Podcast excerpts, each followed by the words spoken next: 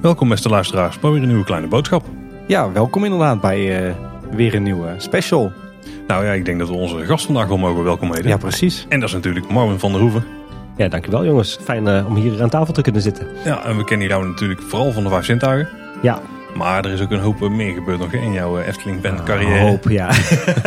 en we kennen Marvin natuurlijk van onze vorige nieuwsaflevering. Uiteraard, ja, ja, zeker. Nou, we weten niet precies hoe dit uitkomt, Tim. Nee, precies. Maar één van de vorige nieuwsafleveringen waarin eh, Marvin al aanschoof. Ja, Marvin, voor de, de luisteraars van ons die, eh, die jou uh, niet kennen, zou, mhm. zou, je jezelf eens even, ja, die zijn er misschien, zou je jezelf even kort kunnen voorstellen? Ja, ik zit tegen, ben tegenwoordig meer op de achtergrond, hè, dus, uh, dus het zou kunnen. Um, ja, Marvin van Hoeven, ja, ik run eigenlijk vijf zintuigen. Um, dagelijks leven ben ik programmeur. En, ja. buddy. Ja, kijk. um, en uh, hoe heet dat? Uh, ja, eigenlijk vanaf 99 al bezig eigenlijk met, uh, met Efteling en alles wat daar omheen hangt. En later wel ook meer petparken. Ja. Oké. Okay. En je bent tegenwoordig ook cocktail, ja, cocktail mix, mixologist. nou, zover is dat nog net niet hoor. Ik bedoel, ik maak de cocktails, maar ja, ik vind het een heel leuke hobby om te doen. En ook weer voortgevloeid uit het pretpark gebeuren. Ja, ik kunnen daar misschien meer over. Maar de aanleiding daarvoor is een drankje wat hier voor ons neus staat. Ja, dit is volgens mij de eerste keer dat wij zo waar door een gast worden, worden verrast met een... Uh... Ja. ja, vorige keer was het toch chocolaatjes, of niet? Ja, precies. Maar die, die, kwamen met de post. Maar nu hebben we, hebben we volgens mij een eigen signature snack uh, te pakken. Een soort van, nou, deze, deze, dat is een Zubia noemen ze. En die is geleend uit... Europa Park, ja. ja. Ik, uh, we gaan eens proeven. Ik heb nog geen slokje van op. Ja jongens, proost. Cheers. Op nog een jaar kleine boodschap in de vijf zintuigen, denk ik. 100 procent. Zo. Hij is veel fruitiger dan ik had verwacht. Ja. Hij is uh, lekker fris en zoet, ja. ja. En alcoholvrij hè, nu. ja, we moeten nog rijden. en de schrobbel was op. Om de Misschien kan ik, wel eens, uh, kan ik wel eens even navraag doen of ze iets met uh, schrobbelaar kunnen doen. Dat wordt dan natuurlijk wel de kleine boodschap cocktail. Of de uiteraard, uiteraard. Kleine, kleines, Kleine cocktail. Ja. ja. Dat is heel veel hand liggend. nou, het smaakt goed. Ja, nou, Daar gaan we ze de komende tijd van uh, genieten. Wat zit erin, uh, Marvin? Uh, er zit vanillesiroop in, er zit hazelnootsiroop in, er zit chocola mm -hmm. in, er zit room in en er zit perennectar in. Ja, Ik hoor alleen maar voordelen, Paul. Ja, het is ook nog hè, veel vitamines. Ja, heel gezond. Ja, We, hebben eigenlijk, we zijn eigenlijk gewoon een smoothie aan het drinken. Dus. Ja, een soort van. hey Marvin, uh, yes. uh, laten we back on topic gaan. Uh, jij zegt, je, je bent vanaf 1999 al bezig met, met de Efteling. Zou je eens wat, wat kunnen vertellen hoe jouw, jouw liefde voor de Efteling is ontstaan? Ja, dat is nog wel even een stukje eerder. Um, dat begint eigenlijk zo'n beetje in 1991, 92. Ben ik voor het eerst naar de Efteling geweest. hey, wij stappen een beetje uit hetzelfde jaar. Uh, ja, de kans is best ja. wel aanwezig. Ja. Ik was nog iets eerder. Kijk, ja, maar, maar ik moet wel zeggen, ik kom vanuit Overijssel. Dus voor mij, mijn ouders hadden sowieso ook geen auto. Dus uh, voor, voor hun was het ook lastig om even, even op en neer naar de Efteling te gaan. Ja. Hoor je niks van hoor, dat je uit Overijssel komt? Nee, toch niet? ja, inmiddels woon ik in Nijmegen, dus ik waarschijnlijk een beetje... Anyways, um, maar de aanleiding eigenlijk voor om, van, uh, om naar de Efteling te gaan... Um, ik sowieso vond ik het altijd heel, altijd heel leuk om bij kermissen te staan, bij de opbouw van kermissen. Alleen ik moest helemaal niks hebben van uh, spookslots en, en spookhuizen en al die andere dingen. En ja, laat de Efteling toevallig nou net even een spookhuis hebben. Dus mijn ouders zeiden, we, we gaan naar de Efteling, hè, dus is prima. Um, maar dan ga je ook mee in het spookslot. Mm, Oké. Okay. Dus uh, nou, uiteindelijk ja gezegd. En wat mijn ouders toen gedaan hebben, die hebben een uh, pension uh, gehuurd in, uh, volgens mij is dat was Prinses Beatrixstraat of Irenestraat. Oh, okay. ja. En dat was de familie Ruigrok die dat deed. En die, die man die kon echt fantastisch vertellen over de Efteling, allerlei soorten anekdotes. En dat was gewoon gaaf om te horen. En ik weet nog wel dat ik de eerste dag daar in bed lag. Weet je, gewoon zo'n zo'n de ouderwetse... Um, uh, Trollenkoning poster gewoon aan de deur geplakt, weet je. Dat, uh, ja, dat is, dat is memorabel. En ja, dat waren gewoon de eerste herinneringen in, binnen de Efteling. Er waren die uh, oude dienstwoningen van de Efteling dan mogelijk. Dus die, die man die zal ook wel een band hebben gehad met het park. ja, nou ja, goed. Hij deed dus pensioen huren. Ik weet niet of hij zelf ook voor de Efteling gewerkt heeft. Maar hij wist wel heel veel van die anekdotes ja. over Morgana en, en Spookslot en zo. Ja. Dus ja, dat is eigenlijk. Uh, sindsdien zijn we elke twee jaar teruggegaan. En pas vanaf 99 uh, ben ik me echt veel meer met de Efteling ook bezig gaan houden. Ja. Dus ook de eerste abonnement gekocht. Mm. Dus uh, ja. En wat was voor jou een beetje de, de trigger, zeg maar, om, uh, om die, die uh, hobby te intensiveren? Nou ja, weet je, ik, ik was in, in de beginjaren, of tenminste halverwege jaren 90, ook heel veel bezig met 3D tekenen. Mm. nou goed, Titanic, iedereen kent de film, inmiddels al wel een beetje een klassieketje. Ik uh, vond het heel leuk om uh, Titanic in 3D na te maken. Maar op een gegeven moment, weet je, Villa Volta was net uh, nieuw. Mm -hmm. um, en vanuit daar ben ik dus ook met Villa Volta 3D tekenen. En ik dacht iets van, ja, weet je, het lijkt me wel tof om dat op, op internet te zetten. Maar dan moet het eigenlijk wel, weet je, een, een attractie-specifieke site hebben. En, en, dat bestond in die tijd nog niet echt. Dus ik ben, heb nog snel, net voor zeg maar 2000, heb ik nog net even een account aangemaakt op een website, zeg maar. En uh, ben ik uh, ja, begonnen met, met de website. Ik had zoiets van, het moet echt wel gewoon een website zijn uit het jaar negen, uh, zeg maar uit de 90, ja, ja, ja, voor 2000, weet je. Dus 28 december is dat live gegaan. Maar dat was wel een heel crappy site in eerste instantie. Nou, dat was Villa Volta Web Dat was Villa Volta Web, inderdaad, klopt. En in eerste instantie had ik van, er waren er destijds wel een aantal van de oude sites. Hè. Captain Hook was er en Genie Letve, dus Efteling omgekeerd. En ik had daar echt gewoon een achtergrondje vandaan geplukt, zullen we zeggen. En vervolgens gekopieerd in mijn eigen, eigen site. En later heeft het wel zijn eigen stijl gekregen, zeg maar. Dus ja, dat is de be alle beginste, ja, de beginperiode van, van de website. Ja, ja, ja je, zegt, je zegt 3D tekenen en, en Villa Volta. Ik, ja. de, de, ik ben zelf uh, zo rond het jaar 2000 ook echt actief geworden online ja. in de fancommunity. Ik meen mij nog iets te herinneren van een simulatie. Ja, dat was, uh, dat was ook een dingetje. Want Flash die kwam eigenlijk op.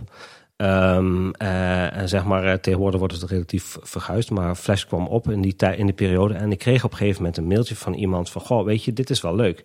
Um, ik heb uh, bijgevoegd een, een, het controlepaneel van, van Villa Volta in Flash. Dus ik kon je ook gewoon met knopjes bewegen. Toen dacht ik, eigenlijk is het wel leuk om daar iets met een simulatie te doen. Dus zodoende ben ik eigenlijk Villa Volta simulatie gestart. Ik had in die tijd had ik ook al met Erwin Scheper contact, spookjes.org. Ja. En uh, die liet ik een, een zien. Zo van, goh, weet je, dit is wel leuk. Oh, dan, als je dit kunt, dan wil ik graag Vogelrok. Uh, dus, toen zijn we daar nog mee aan begonnen. En uiteindelijk hebben we in september volgens mij van 2000 2001 hebben wij die simulatie gelanceerd. En een leuk feitje is, is dat we dit project ook later voor school hebben kunnen gebruiken. Mm -hmm. En uh, we hebben daar weliswaar geen prijs mee gewonnen. Maar de banken die kwamen dus ook kijken, zeg maar. En konden dan virtueel een prijs uitdelen.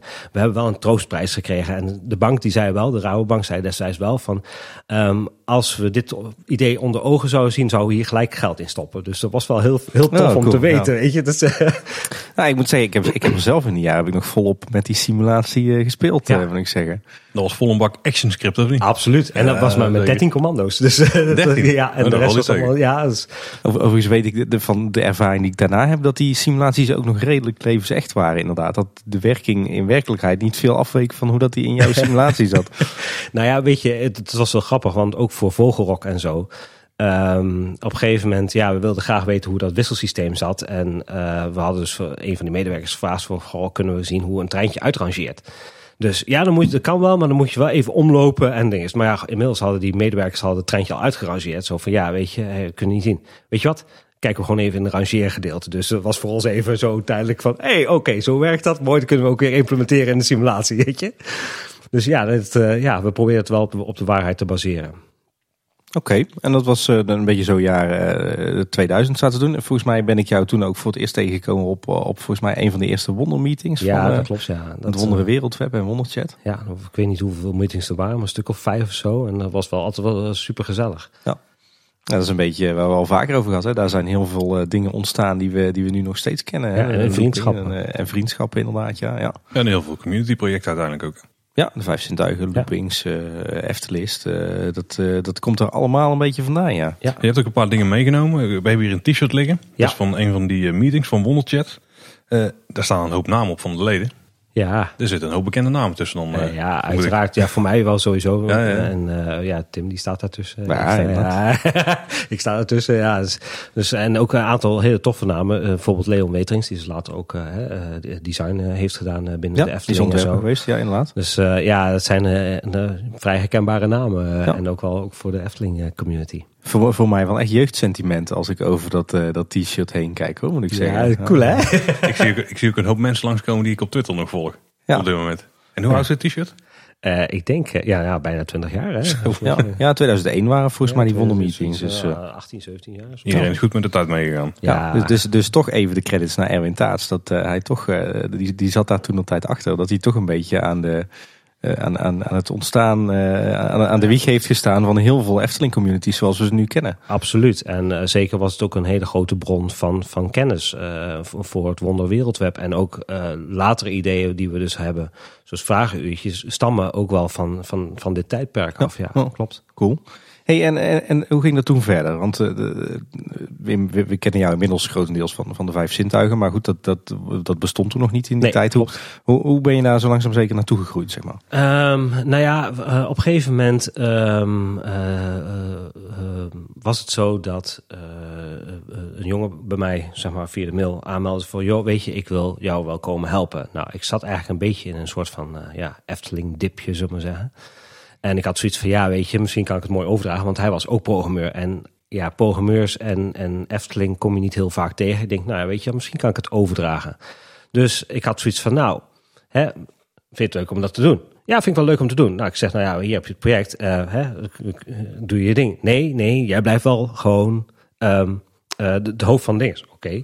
Ja, ik heb wel hele toffe ideeën, zoals een verzamelgids en, en dat soort dingetjes. En toen had ik zoiets van ja, weet je, als we dan de site zo ver gaan uitbouwen, dan dekt de naam Villa Volta Web niet meer. En ik had, zeg maar, met, ook met de doorgang van, van het Wondere Wereldweb, had ik ook al met Erwin afgesproken van, joh, weet je, ik neem al sowieso wat informatie over, hè, wat hè, ik vind het belangrijk om er bewaard te blijven. Dus uh, ja, toen hadden we eigenlijk een nieuwe naam nodig. En ik had zoiets van, ja, weet je, uh, mocht ik ooit nog eens een keer andere parken willen doen, dan wil ik eigenlijk wel een universele naam hebben. Maar ergens, ergens moet het ook weer gelinkt zijn met uh, met, met Eftelingen. Dat is uiteindelijk vijf zintuigen geworden. Maar dat is ook niet uh, zeg maar zonder slag of stoot gegaan. Want uiteindelijk gooi je wel een gerespecteerde naam weg, zeg maar. En je begint weer iets nieuws. Maar ja, voor mij was het wel zoiets van ja, dit dekt de lading veel beter dan dat het uh, dan dat Villa Volteweb deed. Ja, ja. Het grappige is dat ik dus inderdaad nog steeds, want dat, dat heb ik dan toevallig niet voorbereid, maar dat jij begon over jouw eerste website en dat ineens Villa Volta web kwam toch bij mij weer, uh, het kwartje viel meteen. Dus dan kan je nagaan hoe gevestigd zo'n naam dan is toch na al die ja, jaren steeds. Ja. En ik heb domeinnaam nog steeds, hè, dus uh, het linkt ook nog steeds door naar Vijf Sintuigen, maar ja, ik doe er niet heel veel meer mee. Maar, maar goed, toen, toen is de Vijf Sintuigen ontstaan, wanneer was dat? dat was in 2008, 21 maart om precies te zijn. Dus nu ruim tien jaar geleden. Ja, ja. tien jaar geleden, klopt. En, en toen was, was de vijf zintuigen zoals we het nu kennen? Of waar bestond het toen uit? Hoe is dat toen uh, In eerste instantie was het gewoon uh, voor een groot deel alle informatie van Villa Volteweb. Uh, we hadden op Villa Volteweb ook wat Madhouse informatie staan. Dat hebben we toen geschrapt. Zo, ja, weet je, dat, dat past nu even niet meer binnen het concept. Mm -hmm. daarna is heel snel de verzamelgids erbij gekomen. Want Piet was zelf ook wel verzamelaar, pinverzamelaar. En ja, weet je, kunnen we daar iets mee doen? Nou, we hebben uiteindelijk ook Carlo bereid gevonden. Die had echt een enorme grote collectie. Dus we hebben daar echt gewoon twee, drie dagen in zijn huis zeg maar, alles gefotografeerd en gescand wat, wat los en vast zat. En dat is uiteindelijk voor ons de verzamelgids geworden. Ja, want even voor de luisteraars die niet kennen, de verzamelgids. Hoe ja, verzamelgids staan eigenlijk alle, alle items uh, in die ja, aan merchandise die de Efteling ooit heeft uitgegeven. Dat kan voor echt te koop zijn of dat het of uh, weggevers zijn geweest, dat soort dingen. Ja, echt uh, dus, dat een dekkend... ja, dus pins, kaarten, parkmapjes, whatever je maar kunt bedenken. Echt bizar. Hoeveel, hoeveel items uh, staan er in? Volgens mij staan er ergens op 3000, 4000 items. het, is echt, het, is echt, het is echt omvangrijk. Het is echt omvangrijk. Ja. Dus ja, dat, dat, was, eh, dat was het eerste, eerste begin eigenlijk. En vanuit daar, uh, op een gegeven moment kregen we natuurlijk heel veel toeloop uh, van, van, van mensen en zo. Um, hadden we op een gegeven moment wel capaciteit ook op de server. Want we hadden een eigen server. Mm -hmm. Dat beheerde Piet, zeg maar. Uh, hadden we. Dus uh, Piet wist een, een, een, samenwerking met Dell aan te gaan. Dus we hadden vanuit Dell hadden wij onze eigen server. In één keer spontaan. Hoppatee. Ja, dus uh, en voor Dell was het zo van, weet je wat, dit is wat je met onze server kunt doen. En wij hadden dus zeg maar een, een mooie server met vijf jaar onderhoud zeg maar tot oh, onze okay. beschikking. Ja, netjes. Ja, dus dat was voor ons een hele grote stap. En zeker ook bij, ja, bij, bij veilingen en zo, weet je. Daar was echt gewoon op de laatste seconde was altijd de lood heel hoog ja, weet je, dat hield toch gewoon stand, zeg maar. Hoeveel, hoe groot was de community toen op dat moment? Hoeveel leden had het voor? Ja, weet je, um, dat is altijd een beetje lastig te zeggen, maar ik denk 400, 500 wel sowieso minimaal. en, was het, het forum was het dan ook gekomen? Het forum was er eigenlijk vanaf 2006. Dat was al een Villa webtijd. ah, oké. Ja, ja. Het was in eerste instantie niet mijn eigen keuze om forum te doen. Want ik had zoiets van, ja, weet je wat, wat moet de community bieden? bieden? Er was al Team Park, er was al Efteldingen. Why should I? Ehm, maar uiteindelijk, uh, hoe heet dat? Uh, Efteldingen ging teloor. Dus we hadden zoiets van, nou, weet je wat, dan willen wij uh, wel het forum gewoon Ja. verder doorzetten. Ja. Ja, want je had dus je, je verzamelgids, je forum. Forum. En dan een stuk de, de parkinformatie en zo. Uh, en dan, ja, hoe heet dat? Hebben- Zijn we verder gegaan ook op de beeldbank en allerlei andere, andere onderdelen die, die Vijf Zintuigen nu Ja. kent. Ja. De, de beeldbank, dan moet ik denken aan foto's. Ja, foto's, persfoto's, eh, eh, gewoon foto's van eh, bouwfoto's, eh, eh, concept arts, alles wat daar los en vast. eh, ja, Oké, want jij, ik, ik geloof, jij, jij hebt zelf ook wel echt wat met fotografie, toch? Ja, absoluut. Ja. Ik eh, moet zeggen, ehm, ik fotografeer al vanaf 2000. En ja, goed, Leon, die, Leon Weterings, die, die is ooit begonnen met de fototrip reports bij Ja. Wonderchat, uiteraard. Hè. Ja. Eh, en eh, op een gegeven moment ehm, eh, had ik een gesprekje, zeg maar, van joh, weet je, mijn vader zei zo van joh, weet je, hey, je vindt fotograferen leuk. Misschien moet je daar eens een spiegelreflex voor kopen. Ja, ja, dat is wel duur, maar ja, weet je, ja, maar goed, doe het gewoon lekker. Ga gewoon lekker het park in. En Sindsdien ben ik eigenlijk met spiegelreflex het park in gegaan. En ja, weet je, heb mijn eigen fototechnieken ontwikkeld in, eh, in, in die zin. Dus ja, voor mij was het foto stond altijd wel heel erg op, op nummer één. En zorgen dat je ja, hele toffe plaatjes, eh, plaatjes maakt. Ja. Ja. Ja, ja, volgens mij ben je daar best bedreven in. Want ik kan me nog herinneren dat jij nog een keer voor eh Parkkast of voor Ochtend in Pretparkland een, Ja, eh, een podcast, een, podcast hebt opgenomen over... over fotografie. Ja, ja? dus helemaal ook in verdiept en zo. Ook over ja, hoe je composities maakt en dat soort dingen. En later heb, heb ik ook nog een tweetal, tweetal workshops gegeven in de Efteling. Dus in Bosrijk, eerst een stukje theorie. En vervolgens gaan we het park in om, om te fotograferen. Zelfs Oké. drie zelfs. en, en volgens mij maakt de Efteling ook wel eens gebruik van jouw foto's, toch? Ja, dat klopt. Eh een van de bekendste is eh Aquanura. Eh, dat was ook mijn allereerste Photoshop ehm, eh, eh, opdracht, zeg maar. Daarvoor heb ik nog nooit echt met Photoshop gewerkt. Ja, HDR een stukje, maar dat was het. Ehm, maar dat was wel leuk, want ik had op een gegeven moment een fotoserie van Aquanura gemaakt. Dat was in 2012. En ik had het eigenlijk zo'n beetje naar Bart de Boer getwitterd. Zo van, goh, kijk eens hier naar. En Ja. volgens, ja, dat gaan we even doorzetten. Dus uiteindelijk kwam eh, de afdeling marketing zo van... joh, weet je, dat vinden wij leuk. Eh, kun je toevallig deze twee foto's bij elkaar zetten? Oké, ja, is geen probleem. En dat heb ik uiteindelijk verwacht. En samen met nog een aantal andere foto's. Ik weet niet of jullie nog eh, op een gegeven moment de, de app had je... Hè, dat je dan met je Ja. telefoon kon meedoen en zo. Mhm. Daar is ook een van mijn foto's weer voor gebruikt. Oh, wat cool. Ja, Ja, dus heel dat, gaaf. eh, ja, en eh, ja, het is, wel, het is wel tof om te zien, en om ook om in de kranten te zien en dat soort dingetjes. Ja. Dat het weer Ja. terugkomt, ja. Zeker. Ja. En Dan even terug naar eh, de server en zo. Want Ja, een, een community online houden op het internet, zeker in die tijd met een hoop foto's en een hoop beelden, ja, dat kan heel prijzig worden. ja. Is het feit dat jullie die server toen hebben ja, gekregen dat die deal met Delder was, is dat een reden dat het de vijf zintuigen zo lang heeft kunnen bestaan? Niet zozeer, want wij betalen eigenlijk alles gewoon uit eigen zak. Mhm. En dat geldt van, van, van, eh, van service tot whatever het ook maar nodig is. Ehm, eh, eh, ja, eigenlijk kan vijf zintuigen niet bestaan. Als je het heel goed bekijkt, als je echt alles zou door moeten factureren, dat is gewoon een onbetaalbaar ding. is. Maar weet je, omdat we gewoon zoveel mensen hebben die daar hun eigen hobby en tijd en moeite in steken, kan het dus wel. Ja. Maar ja, hoe populairder de site wordt, hoe meer kosten je ook krijgt aan een website. Ja. Ja. En dat is wel, dat is wel, ja, dat is wel een, een regel van internet, zeg maar. Ja, ik stond me af te vragen net toen je zei van eh, die site ging teloor en die nou. Een aantal die hebben wel, daar kennen we de redenen wel een beetje van. Maar in sommige gevallen zal het ook gewoon, gewoon geld zijn geweest. Vond geen zin meer om daarin te investeren, want het is gewoon een hobby en Ja. niet meer de moeite. Nee, precies. En eh, dat, dat, dat, is vaak een van de redenen om, om de site zeg maar offline te halen. Wat dat betreft heeft Vijf Zintuigen wel heel erg geboft. Want eh, Piet in eerste instantie, eh, toen eh Efteldingen nog bestond, zeg maar, hè, dus was een forum, ehm, had hij zoiets van, ja, weet je, hè, wil ik eigenlijk mee aan de gang. Alleen omdat hij dus, zeg maar, stopte, zoiets van, ja, weet je, we, zijn, we hebben er een beetje genoeg mee. eh, is hij dus naar ons toegekomen. En ik was in die tijd met Villa Volteweb was ik heel erg voortstrevend bezig met eh exif data, zeg maar, eh, uit foto's halen en dat Mhm. om, om- op, op, op de site kunnen zetten en dat soort dingetjes. En dat vond hij heel, heel tof om te zien. En zodoende is hij dus ook bij ons weer terechtgekomen. En ja, weet je, dit kan ik aan service bieden. Want we hebben ook een hele tijd, lange tijd fotohosting gehad. En je had natuurlijk wel services zoals image, image check. Maar je had zoiets van, weet je wat, jij mag gewoon de grootste foto's bij ons neerzetten. En voor mijn part host je die op Teampark of whatever forum je ook wil. Geen probleem. Nee. Maar ja, dat, dat, kan die dataverkeer die loopt echt in de terabytes per jaar. Ja, Nog steeds, ja. Ja, Ja. En als je het over dataverkeer, eh, het, het Forum van de Vijf Zintuigen is echt wel lang echt een instituut geweest. Hè? ja en dat was eigenlijk wel het hoogtepunt was, eh, het hoogtepunt was al in 2009, 2010. Maar ja, goed, je merkt dan ook dat er heel best wel veel stress hè, op het forum ontstaat, omdat er heel veel mensen zijn. En weet je, sommige mensen irriteren weer aan andere mensen en dat soort dingen. En dat, ja, dat is dan ook weer heel lastig om te modereren. Maar dat, eh, ja, Ja, een beetje, beetje zeg maar, je kunt de vergelijking wel trekken met wat, wat nu Team Park nog een beetje is. Ja. Maar dan zeker. Was de Vijf Zintuigen denk ik veel actiever in die tijd. Ja, en zeker, en zeker in, in, in de tijd van, van Joris en de Draak. Want er werden heel veel bouwfoto's gepost en zo. En iedereen wilde graag natuurlijk even daar zijn mening over hebben. En ja, dat was wel, dat was wel de booming business in die tijd. Ja, want over hoeveel, hoeveel leden hadden jullie op dat moment? Eh, ja, we zitten nu iets van, van 5000. Dus ik denk dat het ergens rond de 2000, 3000 is. Maar sommigen die, die lezen alleen maar mee. En anderen, hè, weet je, een klein groepje die praat mee. Ja. Dat is... Ja. eh, Oké, dus ja, goed. Ik denk inderdaad de meeste van ons de Vijf Zintuigen vooral kennen van Forum. Maar jullie, zijn ook meer eh, initiatieven gaan ontplooien hè, in de loop der jaren.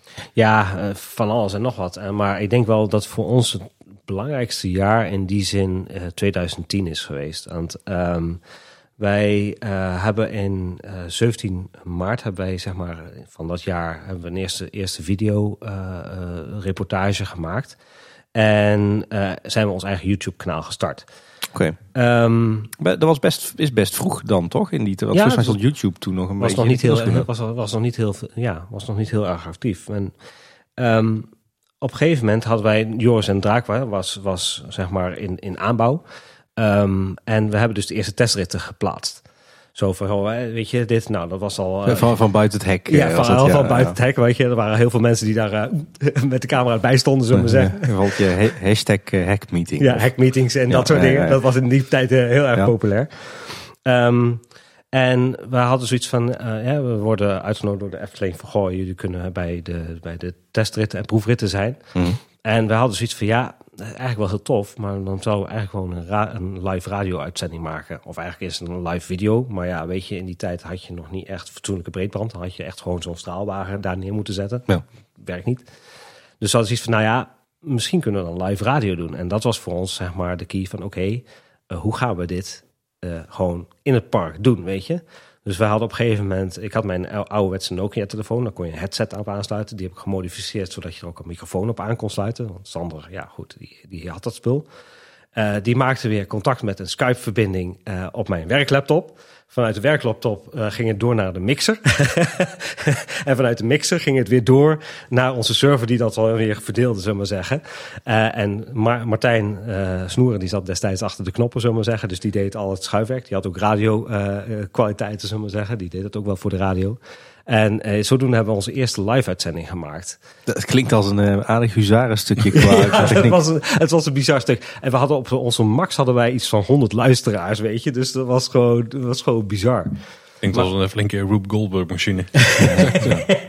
Maar het was wel gaaf, want we konden ook gewoon live, eh hoe heet dat? Mensen konden live vragen stellen. Dus je kon ook weer live aan Bart de Boer doorstellen. En Ah, ja, dat, was, tof, dat, was, dat was wel heel bizar. En eh Sander die had zoiets van, ja, weet je, ik wil graag ook, ehm, eh, eh, zeg maar, eh, de, de POF-rides van Joris en Draak? POV-rides, eh, dus eh, eh, met de dashcam, huppakee, eh, de, de, de, de baan filmen.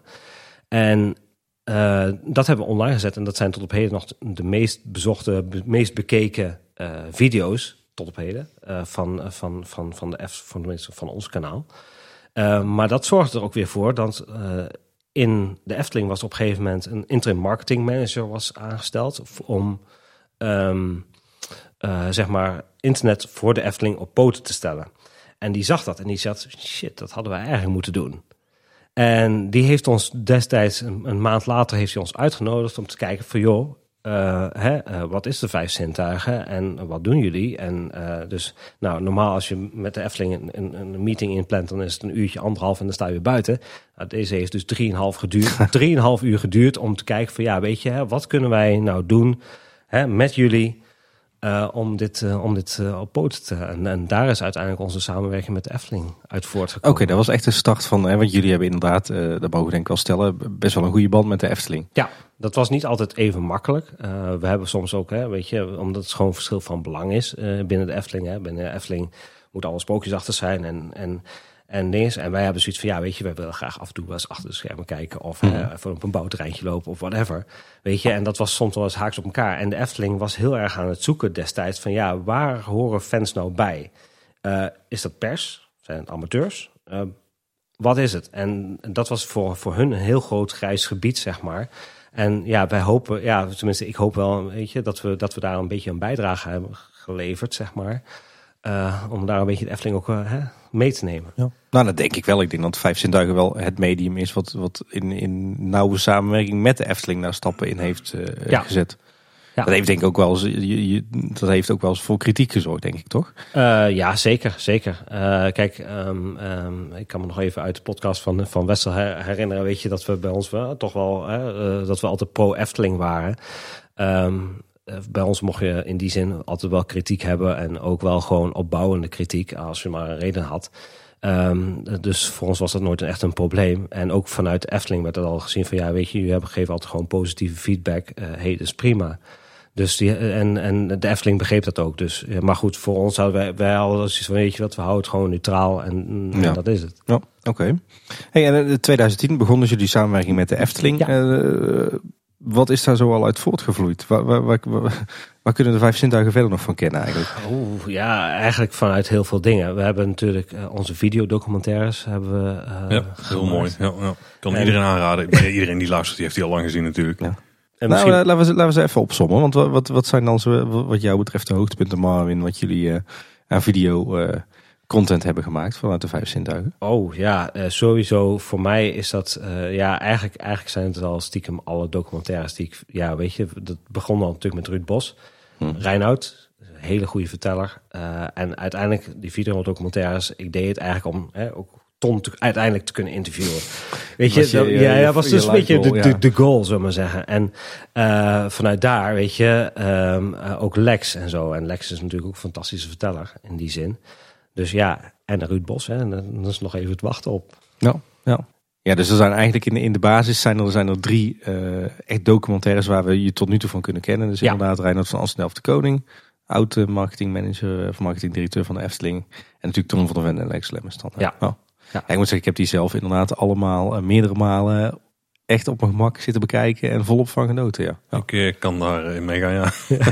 Ja, het kost ook best wel veel tijd om het, om het, om het goed op te zetten en zo. En eh, hoe heet dat?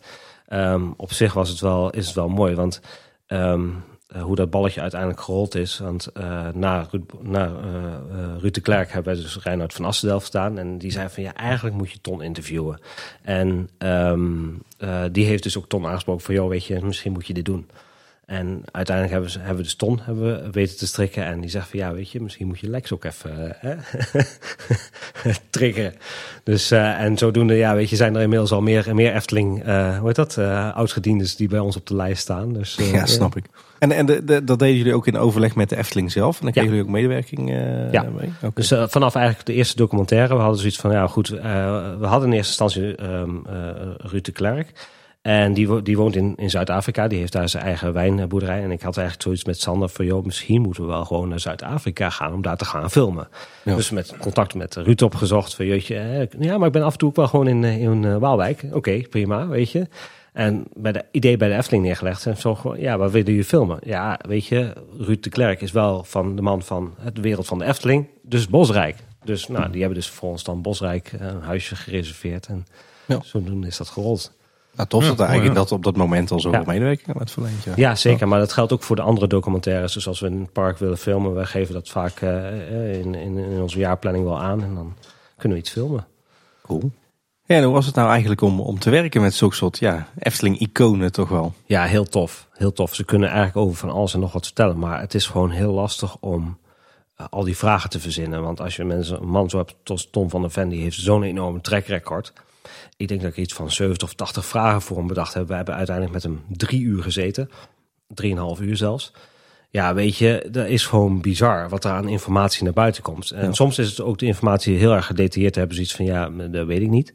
Eh, maar aan de andere kant, weet je, over andere dingen kunnen ze echt heel veel vertellen. En eh, zeker en, eh, helemaal Lex, weet je. Daar hebben we echt, ik denk zes, zeven uur. Hebben we iets van drie, dagen, drie draaidagen in de Efteling hadden. Zo had de Efteling dus iets van, misschien moet je er nu een eind aan bouwen.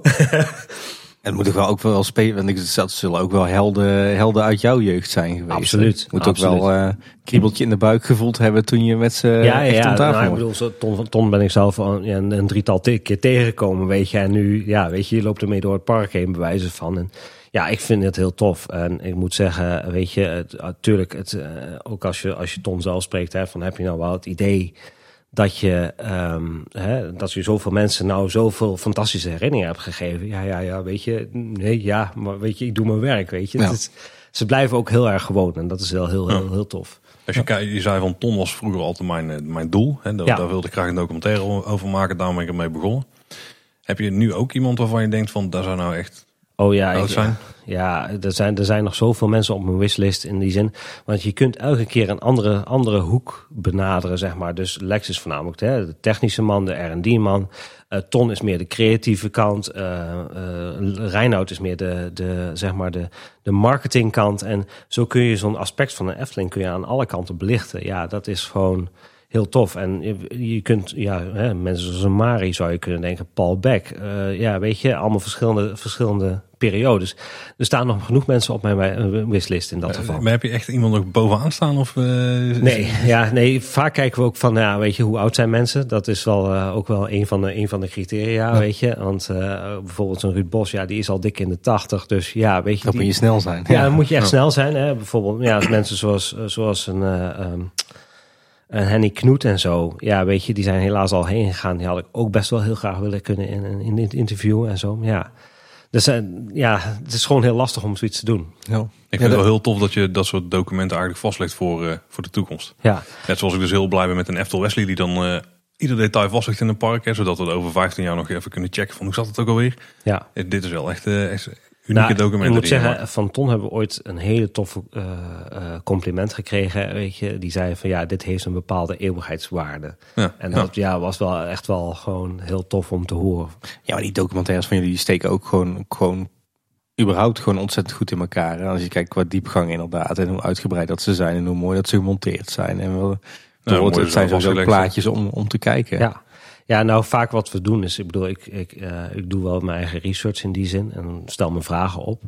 Ehm, en vervolgens gaan we, ga ik, ehm, hebben we een voorgesprekje met de mensen van, goh, hè, wat weet je nog van de Efteling, wat kun je over vertellen? En eh, vanuit daar stel ik mijn uiteindelijke vragenlijst op, gaan we filmen en dan is het montage en dan is het echt Kill Your Darlings XXL in sommige gevallen. Ja, als jij zegt dat jij zeven uur met Lex om tafel hebt gezeten, Ja, dan... is, eh, Daar kunnen we rustig nog wel twee, drie documentaires van maken, bij wijze van. dat snap ik, ja. Eh, Is er nou één bepaalde documentaire waarvan je zegt, daar ben ik het meest eh, trots op? Oeh. Ja, dat is een hele moeilijke vraag. Ik, ja, ik vind die van Lex heel gaaf geworden. Uh, maar ook de komende documentaire van Ruud Bos, ja, die gaat wel een gevoelige snaar raken. Dat kan ik je wel vertellen. Oké, is er kan je een tipje van de sluier oplichten misschien? Uh, ja, uh, wij hebben een verrassing destijds voor Ruud geregeld, waarbij zowel Lex als Ton weer terug in het park waren. En dat was wel een hele gave ontmoeting. Oké. Het was zelfs zo, daar kan ik misschien wel een leuke anekdote over vertellen. Op een gegeven moment hadden we lunch, zowel met Lex, Ton en, en, en Ruud. En op een gegeven moment komt een van de fans, die ziet ons en die komt naar ons toe. En we waren een beetje aan het babbelen met Lex en Ton over de vakantie. Van, uh, dat Ton nog naar Marrakesh werd teruggegaan om uh, daar nog een aantal mensen weer te ontmoeten. En uh, op een gegeven moment, uh, hoe dat, vraagt die fan, meneer Van der Ven, mag ik met u op de foto? Met mij op de foto. Ja, prima. Weet je, geen probleem. Nee. Dus op een gegeven moment komt hij uh, weer terugzetten. Hij stoot uh, Ruud Bos aan. Ja, ze herkennen jou niet, hè? Ze herkennen jou niet. Mooi, ja. ja. Ja, dat kan me wel voorstellen. Hey, uh, over Ton, ton gesproken. Ja. ton is natuurlijk inmiddels alweer een tijdje geleden overleden. Ja, helaas wel, ja. Uh, ja, wat deed dat nou met jou? Want ja, ja, je had denk ik toch best een, een redelijke band inmiddels opgebouwd. Ja, zeker. En uh, hij hielp en, en soms ook wel nog gewoon voor de, voor de documentaires als we weer wat, wat info nodig hadden en zo. Um, ja, de band met Ton was, was gewoon heel fijn en warm, ondanks dat hij vrij kort was, dat wel. Um, ik hoorde eigenlijk in de avond al dat hij, zeg maar, dat het al slecht met hem ging. Dus ik had gelijk al even met communicatie van, joh, weet je, klopt het? Of, hè, nou ja, mm. hou er maar rekening mee. Uh, ja, ik heb toen wel even een traantje gelaten. En ik had in eerste instantie zo van, ja, zal ik, zal ik naar uh, de begrafenis gaan? Weet je, eigenlijk voel ik het niet echt mijn plek. En toen even met Lex over gehad van, ja, weet je, moet ik dat doen? Ja, ja, moet gewoon komen. Dus uiteindelijk een dag, halve dag vrijgenomen. En uh, zijn we dus met Sander en een aantal andere mensen daar naartoe gegaan. Die ook in de producties meewerken. En ik moet zeggen, weet je, na de hand uh, zag ik Rietje even. Dus Mhm. nou ja, goed, weet je, die wordt natuurlijk door iedereen aangevlogen. En, weet je, ik knikte zo even voor jou, weet je. En ze kwam echt zo een beetje naar me toe en omhelsde. Ja, weet je, die documentaire voor jullie, dat is nu gewoon eeuwigheidswaarde. Weet Ja. je, dat is gewoon. En dat was, dat, dat deed me wel. En, en het meest bizarre vond ik zelfs nog wel. Op een gegeven moment vond ik me wel werk gebeld, onbekend nummer. Wat is dat? Ja, met die en die van de familie van de Ven. Eh, ik moet je namens Rietje, moet ik jou persoonlijk op de hoogte stellen dat Ton overleden is. Ja, dat was wel. mm, Ja. heavy, zeg maar. En eh, nogmaals, weet je, nog, eh, je, ook als gewoon als je documentaire maakt, zeg maar, weet je, oké, weet je, je hebt zo'n documentaire gemaakt, heel tof. Eh, maar dat is het. Maar als mensen als familieleden al zo, weet je, reageren, ja.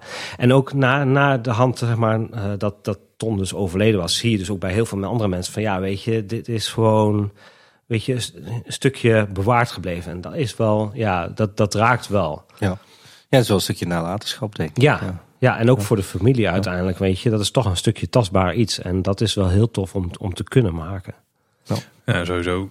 Nu kan het niet meer gemaakt worden. Dus het feit dat jullie het al ooit hebben gedaan, dat is... Ja, en, en, is ook- ja. en Ton was ook niet eh, iemand, zeg maar, die heel vaak in de media trad. Dus eh, ja, weet je, hij selecteerde echt gewoon heel erg selectief eh, daarin. Heb je een idee wat hij nu uiteindelijk... Want ik denk dat die wereld van fans was hem vreemd, vermoed ik. Maar, Eh, hoe bedoel je, van, van Ton? ja, Of, eh? ja, van Ton, ja. Want die, die, die stond Nou, nee, nee, al- want de Ton werd nog wel eens vaak eh, ook wel gemaild en zo. eh, zo van, goh, hè, meneer Van de Ven, we hebben dit en dat zo, zo. Maar hij hield dat altijd wel, zeg maar, op een, op een afstand. Maar had hij een idee van hoeveel mensen ermee bezig zijn?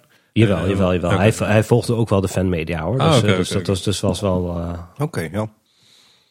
ja. Je hebt ook uitgebreid met Lex gesproken. Ja. Hoe is het eh, om met Lex te werken? Ja, eh, goudmijn. ja, serieus. Het is echt heel tof om met hem te werken, samen te werken. Hij kan eh, ja, zo'n beetje alles vertellen van, vanaf dat hij er begon. Hij heeft al zijn agenda's heeft hij nog. Hij weet ontzettend veel. Ja, dus dat was, dat was echt nog, nog meer dan zijn helft job om, om, om al die vragen samen te stellen. Ehm, dus we hebben dat deels bij hem thuis gedaan. We hebben dat deels in het park gedaan. Ja, dat was wel echt was echt heavy. Zelfs op één zomeravond waarbij soms de gastvrouwen elkaar moesten afwisselen. Weet je, dat was zo erg was het op een gegeven moment. Maar heel fijn. Het echt, eh, weet je, eh, hij heeft zijn contacten en dat is, dat is heel tof. Mooi. Wat, wat ik me wel afvroeg hoor. Ehm, eh, jullie documentaires zijn, zijn heel erg positief. Heb, heb je ook wel eens overwogen om bijvoorbeeld in die documentaire met, met Lex om wat kritischere vragen te stellen?